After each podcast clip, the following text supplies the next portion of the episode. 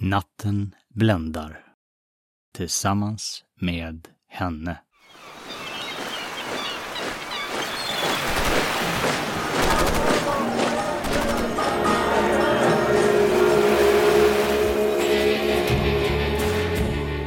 Hej, jag heter Mikael Hedman och den här podden är berättelsen om en vanlig tjomme med ett ovanligt intresse. Ett intresse som får konsekvenser olikt något annat. Vi talar om existensens fundament. Vilket galet koncept. Det är inte en högljudd förändring som händer, utan en tyst. Faktum är att allt annat är mer högljutt. Till och med en skogsmus under snötäcket. Det är inte en förändring som åtföljs av trumpetfanfarer eller ens en äggklocka. När existensen genomsyrar en människa så är det så naturligt att det inte ens firas med sockerkaka. Det här är berättelsen om något som är så uppenbart och enkelt att det kan låta konstigt och skruvat. Det är berättelsen om den yttersta sanningen och om att nå dit.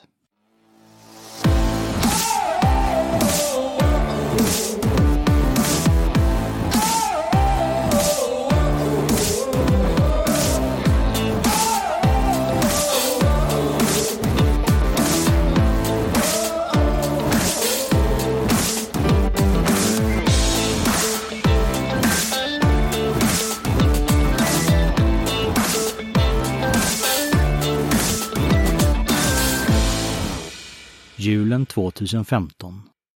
Veckan innan han planerat att bege sig över Atlanten med segelbåt möter han henne med stort H. Han kastas in i familjeliv bland köttbullar och makaroner i en lägenhet vid tunnelbanans slutstation. Resan slutar inte i frihet från begränsningar utan i frihet att vara begränsad.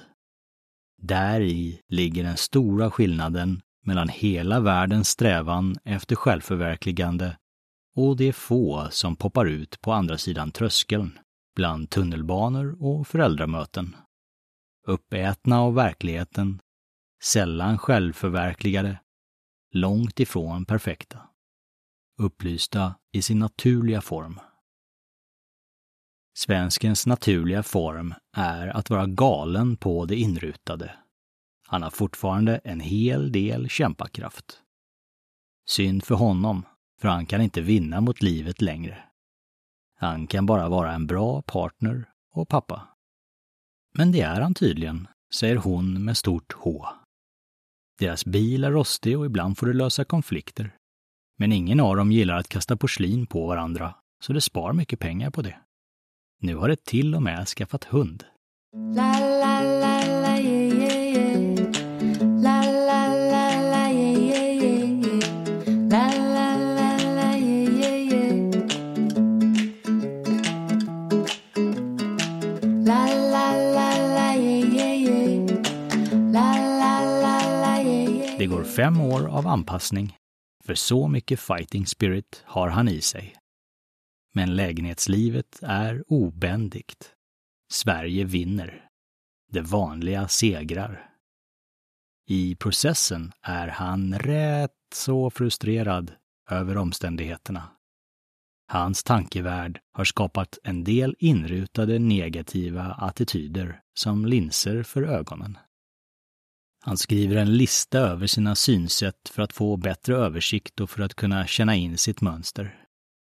Han börjar möta alltihop som så många gånger förut. Första steget är som alltid ett skifte från obekvämt motstånd till acceptans av att det finns motstånd. När han accepterar och känner kraften av sitt motstånd kan han skifta till att gradvis acceptera upplevelsen. Han är frustrerad och tillåter sitt liv att vara frustrerat. Det ger genast mer energi för han lägger inte längre kraft på att motsätta sig sin upplevelse.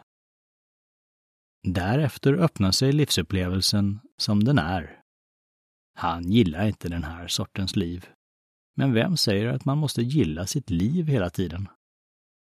Han gör vad han kan för att vardagen ska bli lite mer aptitlig. Men just nu är han bunden till de här omständigheterna. Och då är det så. Han slappnar av och har acceptans för att hans energinivå inte är vad den skulle vara om han skrev resereportage jorden runt i segelbåten eller varvade familjens boende mellan en stuga på kalfjället och företagande i New York City. Den tiden kanske kommer.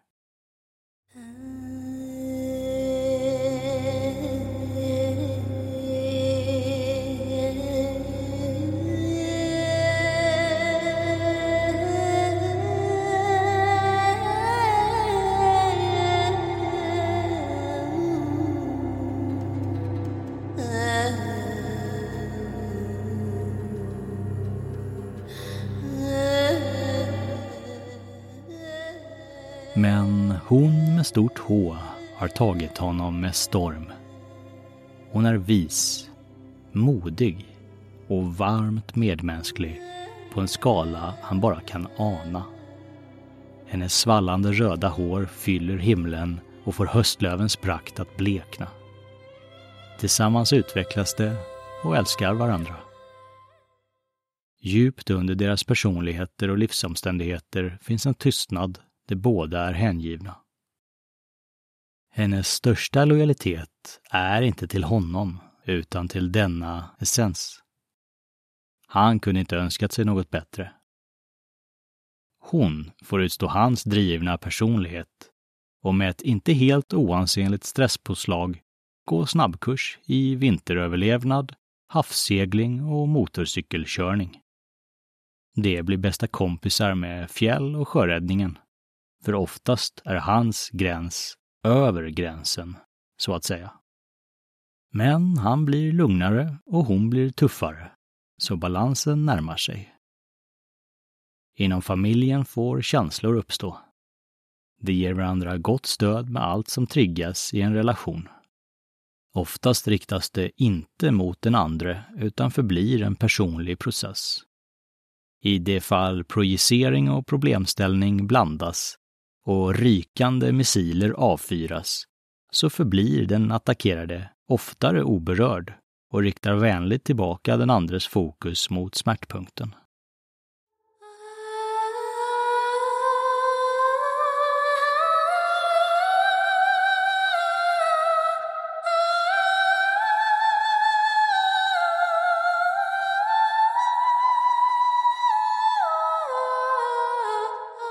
Det är nämligen sällan man lider av vad som sker på ytan.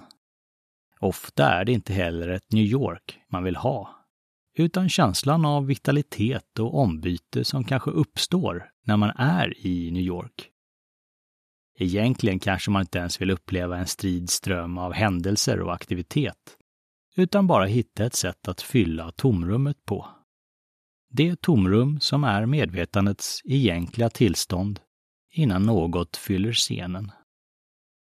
Det är bra att först skänka lite uppmärksamhet till den drivande känslan, behovet, och därefter ge sig i kast med handling. Om man bara ser till känslonivån och undertrycker handling så får man ett torftigt liv, knappt värdigt en asket. Om man bara agerar och följer vad man vill ha utan att upptäcka sina känslomässiga drivkrafter, så avslöjar sig inte ens egentliga behov. Då går man blind genom både livet och mycket av sig själv. Man kan peka finger hur mycket man vill åt ett Trump Tower och tycka att någon drivs av sina omedvetna sidor. Men med få undantag lever alla så. I slutändan behöver man inte tänka så mycket. Bara följa inspirationen och agera på den genast innan något kommer emellan. I kassan på banken är det emellertid klokt att dämpa all inspiration och bara ta ut pengar från sitt eget konto. Att vara lite nyfiken på den sugande känslan som triggar ens aspirationer brukar ge en rakare väg till våra egentliga behov. Våra egentliga behov är ofta närmare oss än hur våra ansträngningar att tillgodose dem tar sig uttryck.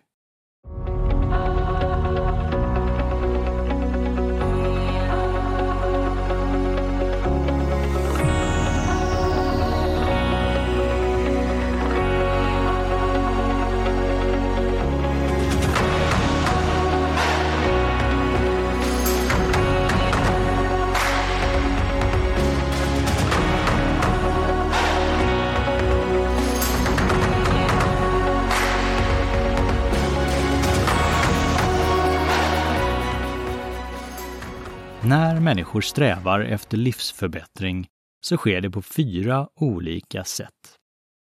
De två initiala sätten är externa från personen och de två sista är interna i personen. Den första och enklaste nivån är fysiska förbättringar. Vi försöker få ett bättre liv genom en bättre ekonomi, bättre boende, umgänge och bil, bättre kropp. De flesta människor förbättrar sina liv på det här sättet. Nästa nivå är mental. Vi försöker få ett bättre liv genom bättre karaktär, bättre inställning, förståelse eller perspektiv. Därefter skiftar vi till det tredje sättet. En inre, mer intim nivå som är känslomässig. Vi försöker då få ett bättre liv genom att ta hand om och läka svåra känslor, eftersträva positiva känslor och odla känslan av kärlek. Så gör vi för att vi förstår att det är våra känslor som ändå styr våra mentala behov. Det är känslorna vi behöver prioritera för att få en bättre livsupplevelse. Vi har också upptäckt att känslorna är starkare än tankarna och att de har större livspåverkan än våra fysiska omständigheter. Ska vi alltså skapa förbättring behöver vi börja där. Slutligen finns nivå 4, ren medvetandeförbättring. Det som man brukar kalla andlig eller spirituell utveckling. Vissa tar steget från mental nivå direkt till andlig nivå och försöker på så sätt att hoppa över de svåra känslorna. Det brukar gå så där, kan svensken vittna om. Nivån som handlar om medvetandeförbättring är svårare att definiera jämfört med de tre tidigare sätten, för den uppstår som en dold bieffekt av meditation. Initialt mediterar människor nästan alltid enbart för att få ett bättre känsloliv eller en trevligare mental upplevelse. Men meditation har flera utvecklingssteg.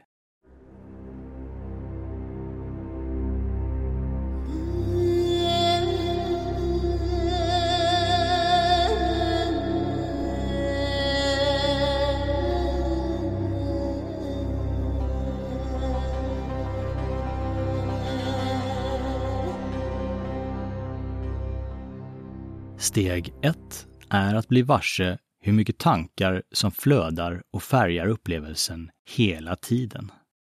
Det är som att kämpa mot en flod som drar en hit, en dit.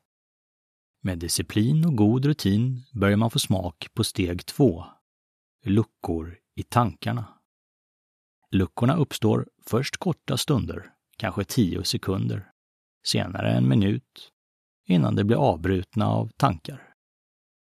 Det är sannerligen skönt och hoppfullt när tankarna börjar ta en paus. Det ger återhämtning, mental vila och underlättar fokus. Om man vill förbereda sig mentalt och känslomässigt för exempelvis en jobbpresentation, övningskörning, en atletisk prestation eller något annat som sker i en miljö man inte är van vid, så kan man under steg två skjuta in förberedda mentala visioner i luckorna och uppleva och öva på miljön så att man blir förvånansvärt skicklig, enbart genom att ha gjort det i sitt huvud. Det är även typiskt att man ställer sig frågor om livsval och på så sätt får större klarhet och bättre beslutsunderlag. Man kan även målinrikta sig genom att, enkelt uttryckt, föreställa sig att man har något och på så sätt strömlinjeforma sig själv så att alla ens personliga aspekter jobbar synkront mot målet istället för att omedvetet stå i vägen för det. På så sätt riktas ens liv, vilket gör ett positivt utfall mer sannolikt. Steg två kan vara länge, ibland flera år. Till slut resulterar de långa pauserna från mental aktivitet i att andra aspekter av ens bandvidd kommer till ytan. Pauserna i tankar fylls av vad som bäst beskrivs som olika energiupplevelser och det annorlunda perspektiv eller insikter som ökad energi för med sig. Steg tre börjar alltså när ovanliga sensationer börjar uppträda och steget utmärks av exalterade tillstånd. Det kan kännas som om kroppen svajar eller lutar betänkligt. Men när man öppnar ögonen så visar det sig att man faktiskt sitter helt lodrätt och balanserat. Man kan bli oförklarligt varm, få extremt god hörsel, bli tung som ett stort block av cement eller tappa upplevelsen av att ha en kropp. Man kan bli enormt intuitiv och få olika sorters syner, ibland se färgskiftningar och höra toner. Det känns ofta som en surrande energi som genereras i olika regioner av kroppen och den blir mer och mer påtaglig. Steg 3 är så annorlunda att ens referensramar ovillkorligen påverkas. De insikter och perspektiv man presenteras med är så exotiska och djupt personliga att man kan likna det vid att ens normalbild skiftar till en mystisk dimension. I den här fasen plockar man upp andliga idéer och lägger sig till med en andlig identitet. Bor man i USA så är det nu man klistrar fast en bumper sticker med något fredligt budskap om oneness och peace. Det behöver inte påpekas att svenskens stötfångare alltid varit ren från andligt klotter. Han hade nog i och för sig ändå tillräckligt av det på insidan av skallen. Om man i steg tre av meditation använder energin till olika ändamål så kan man åstadkomma i princip vad som helst. Både i praktisk bemärkelse och i fråga om medvetenhetstrippar.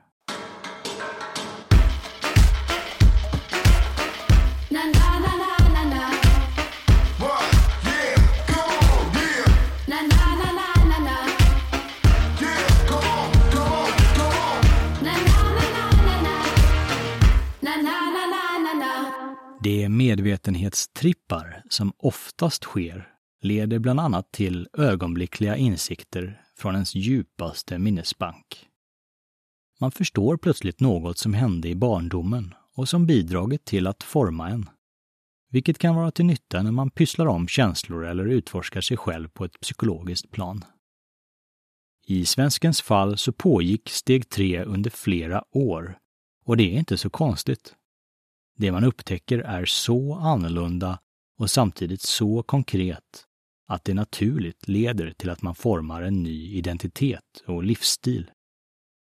Är man på jakt efter sanning eller en andlig upplevelse av existensen så finns här så mycket av den varan att man verkligen känner sig som i guldruschens Klondike. Det är såklart kattguld och vare sig mer eller mindre sant än något annat. Men det känns maffigt att ha sommarstuga i kosmos. Den expanderade förståelsen resulterar inte sällan i att man förändrar sin personlighet. Man förkastar det gamla vanliga och lägger sig till med en speciell inställning till livet. En andlig inställning. Inte sällan tror man att de grandiosa upplevelserna är tecken på att man vaknat från illusion och blivit upplyst. De flesta andliga lärare befinner sig i det här stadiet. Man slappnar av och överdriver kärlek och godhet och undertrycker disciplin och tuffhet. Är man lite extra driven och en aning tekniskt lagd så kan man i steg tre även applicera sitt fokus för att penetrera dimensioner och tillskansa sig sällsynta perspektiv. Dimensioner är emellertid inget man ska leka med. Det var inte fantasi som Dante använde till inspiration och han hade tur som bara snuddade vid infernot. Vad får då det tredje steget att skifta till det fjärde? Jo, man tröttnar eller inser hur fruktlöst det är att surfa runt på energiplan. Om man tillhör kategorin som kan upprätthålla ett konstant exalterat tillstånd så luras man lätt att tro att man blivit Gud. Men samma vanliga liv som en gång i tiden fick en att börja meditera väntar obevekligen runt hörnet. Även det som mer eller mindre hela tiden kan upprätthålla ett högt tillstånd vet ändå med sig någonstans att det är temporärt och att allt som höjts en gång måste falla. Man inser alltså att man inte kan komma undan. Har man fortfarande lust till inre utveckling när den upptäckten slår en, så börjar steg 4. I steg 4 får meditationen leda vägen och bara vara en fråga om medvetet upplevande. Här är nyckelordet att kapitulera. Man utlämnar sig till vad som än vill uppstå och överlämnar sig till sitt liv utan krav eller personliga målsättningar som ledstjärna. Det fina är att det här steget, samtidigt som det är väldigt avancerat, också är väldigt hälsosamt och naturligt. Dessutom är det direkt tillgängligt, så man behöver egentligen inte bli en expert på att meditera. När svensken guidar andra så är det oftast på steg fyra. Det är där det fina händer och det händer omedelbart. Man behöver inte ha en förhoppning om att man är på rätt väg. Rätt sprider sig i hela kroppen. I den meditation som sker i steg 4 sätter man sig avslappnat och låter meditationen hända. Om du behöver en teknik, skanna kroppen för spänningar. Närma dig anspänningen och upplev den utan någon agenda eller metod. Var en vän till anspänningen. Mediterar man i steg 4 så integreras känslomässiga och mentala funktioner naturligt. Det öppnar för steg 5.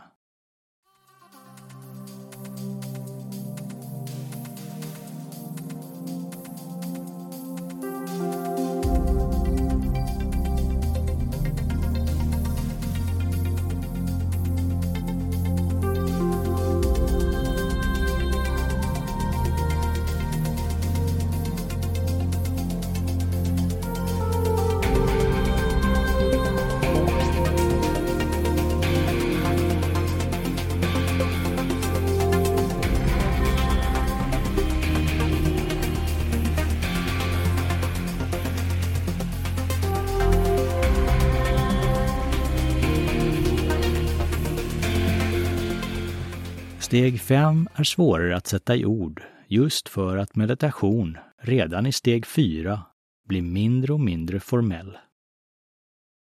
Processen sker alltså även utan att man sitter med benen korsade som en gammal indier eller avslutar med att buga inför en buddha-staty med klistermärket Made in China på ryggen. I steg 5 löper medvetandet gradvis mer okonstlat och integrerat vare sig man står i mataffären eller har flyttat in i en grotta på berget Arunachala. Mediterar du i steg 5 så är det mesta som beskrivs i podden inget nytt. Men är du i jakt på utveckling så är det bra att förstå att medvetandeförbättring, det är sin egen process och inget som egentligen kan begränsas till enbart rollen att förbättra ens liv. Om en plog får symbolisera att förbättra sitt liv till nästa nivå och en tiger får symbolisera meditation, så är det alltså sant att man kan ta en tiger och koppla en plog bakom den. Tigern kan dra en plog och med lite teknik drar den riktigt bra. Men den är sin egen och huvudsakligen inte gjord för att dra plog. Att låta en tiger dra en plog är förenat med ett spektrum av oförutsedda händelser. Alla medvetandeverktyg vi använder för att må bättre har även de konsekvenser som börjar anas först efter ett tag.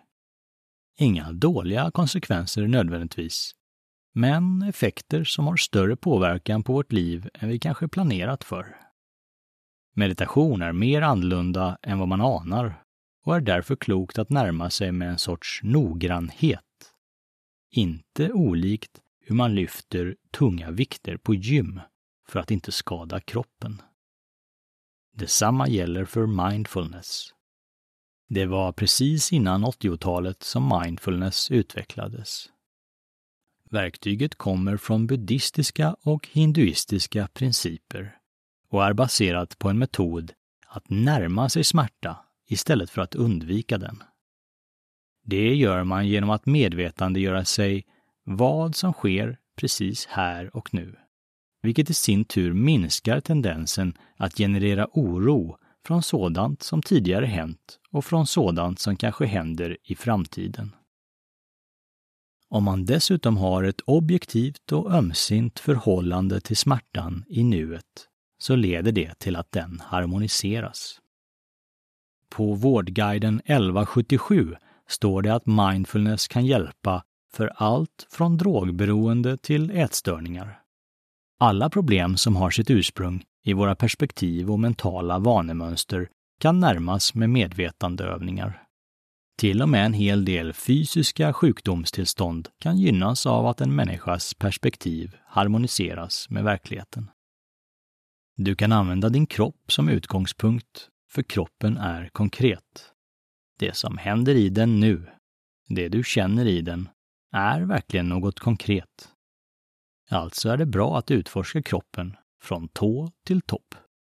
Ja, börja med tårna, för där är det i allmänhet lugnare än i bröstkorgen och huvudet, om du inte just råkat sparka tårna i en tröskel. Bli ett med känslan i fotsulan, anklarna och så vidare. Vad rör sig just där? Kommunicera vänligt och öppet med kroppsdelarna. Tillåt känslan även om den är obehaglig. Skapa kontakt och fördjupa relationen. Relatera till dina kroppsdelar som om de var besjälade individer, för det är mer verklighetsnära än man kan tro. Fortsätt så. Kontaktskapandet och närvaron med dig själv harmoniserar. På så sätt tonar mindfulness ner en del onödiga tankar och minskar tidsrelaterad ångest och stress. Metoden stannar oftast vid ett observations eller vittnesperspektiv. Om tankarna genererar en massa problematiskt innehåll så gör den varsamma medvetenheten om tankarna att genereringen mildras. Men fokus på nu skapar även förutsättningar för nedpackat material att komma upp. Det är den andra vågen av mindfulness och den pratas det inte så mycket om. Fördjupad mindfulness är en process med andliga konsekvenser. Varför detta ord andlig istället för psykologisk process eller bara personutveckling? Jo, för att det material som packas upp transformerar individen på en nivå som inte är begränsad till det fysiska eller till det psykiska. Den medvetenhetsförändring som sker börjar få inslag av andliga mekanismer. Och eftersom det ligger utanför moderna psykologiska förklaringsmodeller är det alltså rimligt att bemöta det från ett andligt paradigm och därefter kalla det för vad det är, en andlig process. Medvetandet ur ett psykologiskt perspektiv är nämligen en funktion som är kopplad till hjärnan och kroppen. Utan en kropp så har vi alltså inte medvetenhet. Den modellen tycker ingen som är familjär med andliga processer överensstämmer närmelsevis med verkligheten. Medvetenhet finns oavsett om det finns en kropp eller inte. Ungefär som att vatten finns, oavsett om det finns en gurka eller inte. Det spelar ingen roll om det inte kan bevisas med vetenskapens imponerande metoder. Det du gör med ett psykologiskt motiv är ovillkorligen drivet av ett biologiskt motiv. Organismen vill bli bättre. Det du gör med ett andligt motiv ställer dig öppen inför en total nivå som mycket väl kan diktera något som är destruktivt för din egen organism. Mannen som råkade ut för spikar, Jesus, är inget dåligt exempel. Även om inte alla som är andligt förslagna nödvändigtvis behöver hamna i konflikt med en italiensk statsförvaltning och ett gäng valutaväxlare. Mindfulness är ett potentiellt kraftfullt verktyg men som kan användas i begränsad omfattning för att inte lätta för mycket på locket. Var på det klara med att under locket finns i första hand inte ljus och frihet, utan ditt eget väntande mörker och dina begränsningar. Var också på det klara med att hur mindfulness än används så blir sidoeffekten alltid att medvetenhetsmuskeln stärks. Medvetenhet är som syrgas, en grundförutsättning för liv. men också extremt korrosivt på all sorts form, förutom guld. Här sträcker guld upp en sked och påpekar med ett vackert klingande ljud att det också oxiderar under vissa förutsättningar. Ja, där ser man. Tack för att du lyssnar. Jag heter Mikael Hedman och arbetar som företagsstrateg och personlig rådgivare. Podden har jag satt ihop som underhållning och för att mina erfarenheter eventuellt ska komma till nytta för dig. Vid allvarliga sömnsvårigheter kan du till exempel läsa Swedish Buddha-podden som bok. Du kan beställa boken via hemsidan swedishbuddha.se. Men låt inte allt som berättas i podden påverka ditt eget upptäckande. Förkasta utan minsta tvekan sånt som du inte kan känna igen dig i eller som låter fel. Det här är 20 år ur mitt liv med mina ögon. Vissa saker kommer inte att passa med hur du upplever livet. Om du är intresserad av inre utveckling så är du varmt välkommen att höra av dig via hemsidan eller boka ett möte direkt i kalendern på rentabuda.com. Det skulle glädja mig att få prata med dig. Ha det så bra tills dess. Enlightenment combined with religion or politics may lead to chronic fits of laughter, including stomach convulsions. Other known side effects involve uncontrollable tears of amusement and shortness of breath.